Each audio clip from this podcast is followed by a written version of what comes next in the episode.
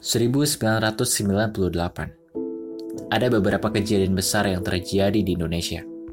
Salah satunya adalah kebakaran hebat yang terjadi di Mall Klender, Jakarta. Antara tahun 1997 sampai 1998 menjadi puncak dari krisis finansial atau biasa juga disebut dengan krisis moneter. Di mana pada saat itu terjadilah sebuah inflasi rupiah harga-harga kebutuhan dasar pun meningkat dengan sangat tajam. Sehingga kekecauan pun terjadi di hampir seluruh penjuru negeri. Dan terlebih lagi di pusat ibu kota, yaitu Jakarta. Kekacauan yang terjadi bukan hanya mengenai ekonomi, tetapi juga sudah merambah ke masalah rasisme etnis. Pada tahun tersebut, rasisme terhadap Tionghoa sangatlah tinggi, sehingga mereka menjadi bulan-bulanan oleh kebanyakan masyarakat mayoritas di sana. Serangan-serangan terhadap etnis minoritas ataupun penjarahan di kala itu sempat menjadi ketakutan terbesar di seantero negeri.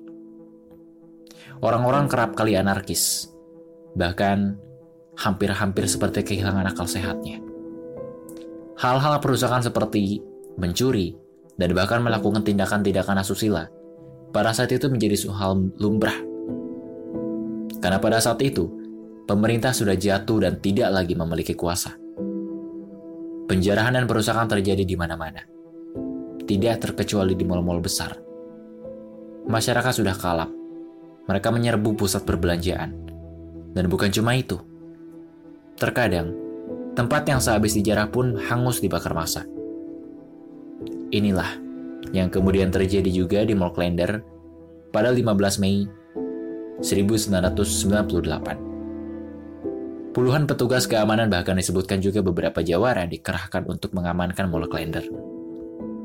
Beberapa di antaranya, mereka membawa senjata tajam, yang dimaksud untuk menggertak warga yang akan menjarah. Mereka sama berbaris membentuk pagar betis, agar semua area terlindungi. Namun nyatanya, semua pengamanan itu tidak cukup untuk mengamankan sebuah mall dari serbuan massa. Warga pun pada awalnya sudah ciut dengan pengamanan yang dilakukan itu. Namun, di tengah-tengah itu mereka kembali lagi untuk menerobos. Dan ternyata, disenyalir ada segerombol oknum atau kita sebut dengan provokator yang terus-menerus memperkeruh suasana kala itu. Menurut narasumber, Suyono, salah seorang narasumber yang pada saat itu menjadi saksi, mengatakan bahwa oknum ini memiliki postur tubuh yang tegak serta potongan rambut model cepak. Dan tidak hanya itu, mereka juga ternyata membawa senjata api.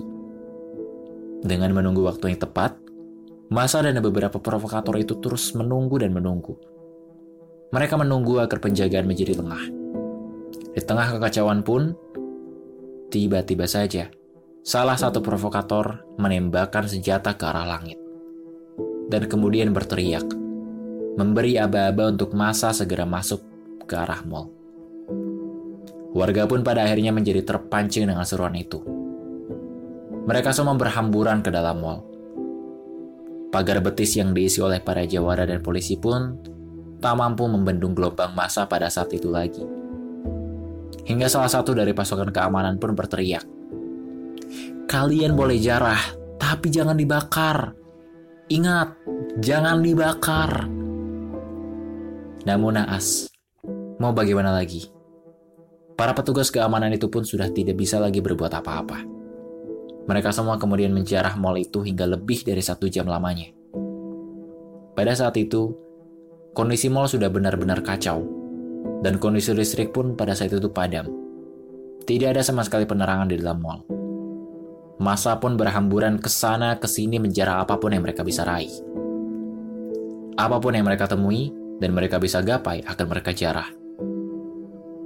Siono menambahkan bahwa warga seperti keserupan, atau lebih tepatnya hilang akal. Mereka berlari ke sudut kiri dan kanan, mengamankan barang yang mereka bisa ambil. Dan di saat semua orang sibuk menjarah, tiba-tiba beberapa orang membawa kasur dan juga kain-kain ke tengah-tengah ruangan. Beberapa lainnya membawa sebuah jerigen, yang sepertinya isinya adalah bensin. Mereka adalah pria dengan berbadan tegap serta rambut yang cepak. Dikatakan bahwa tubuh mereka besar, dan sepertinya mereka lah yang sempat menjadi provokator di luar. Para warga pun membaca gelagat yang tidak beres. Beberapa dari warga langsung berteriak. Jangan dibakar! Ingat, jangan dibakar! Namun dengan senjata api di tangannya, pria-pria itu pun justru mengancam balik. Dan bagi warga yang sudah sadar, mereka cepat-cepat berlari keluar. Karena setelahnya, pria-pria itu pun langsung membakar tumpukan kasur dan kain di tengah-tengah ruangan. Dan karena yang terbakar adalah lantai satu, di mana di situlah jalan keluar dari mall itu, maka banyak warga yang pada akhirnya terjebak tidak bisa keluar. Ditambah lagi dengan spon dari kasur yang terbakar, kemudian mengeluarkan asap hitam yang sangatlah pekat. Sehingga besar kemungkinan, beberapa orang warga bisa langsung pingsan karenanya. Ibu Atin, yang pada saat itu juga menjadi saksi, ia melihat dari sudut luar gedung, mengatakan bahwa pasukan berambut cepak itu melempari kaca mall. Kemudian juga melem mereka melemparkan ban ke dalam mall. Dan yang lebih mencengangkan, Ternyata, mereka juga melemparkan bom molotov ke sana. Hal itu dilakukan ketika warga masih memenuhi dalam mall. Walaupun pada saat itu banyak orang yang melihat aksi mereka, bahkan mereka menjadi seolah-olah tontonan, namun tetap saja mereka menjalankan aksinya. Dan sepertinya hal ini memang sudah direncanakan sebelum-sebelumnya. Entah apa yang dimaksud dari perbuatan ini. Peristiwa tersebut terjadi di sekitar jam 3 sore. Dan tak lama setelahnya, asap hitam pekat langsung keluar dari gedung. Menandakan bahwa api sudah memenuhi ruangan dan mall. Kebakaran hebat pun terjadi. Sebagian besar dari warga yang di dalam, mereka semua terbakar dalam keadaan hidup. Beberapa yang masih sempat menyelamatkan diri, mereka naik ke atap gedung dan kemudian nekat melompat. Warga di luar yang melihat hal itu pun segera sigap membantu. Mereka menyiapkan kasur dan juga kain untuk menangkap orang-orang itu. Namun yang lompat mula-mulanya hanya sedikit. Dan sebagian besar pingsan karena menghirup asap pekat.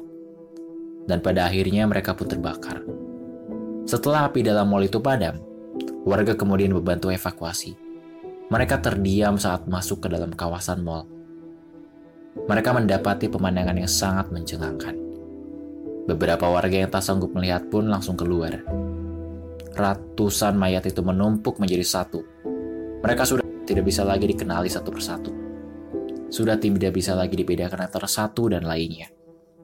Dan sepertinya, para korban saat itu sudah terkepung asap panas dan api yang menjalar dan kemudian mereka berkumpul di satu titik.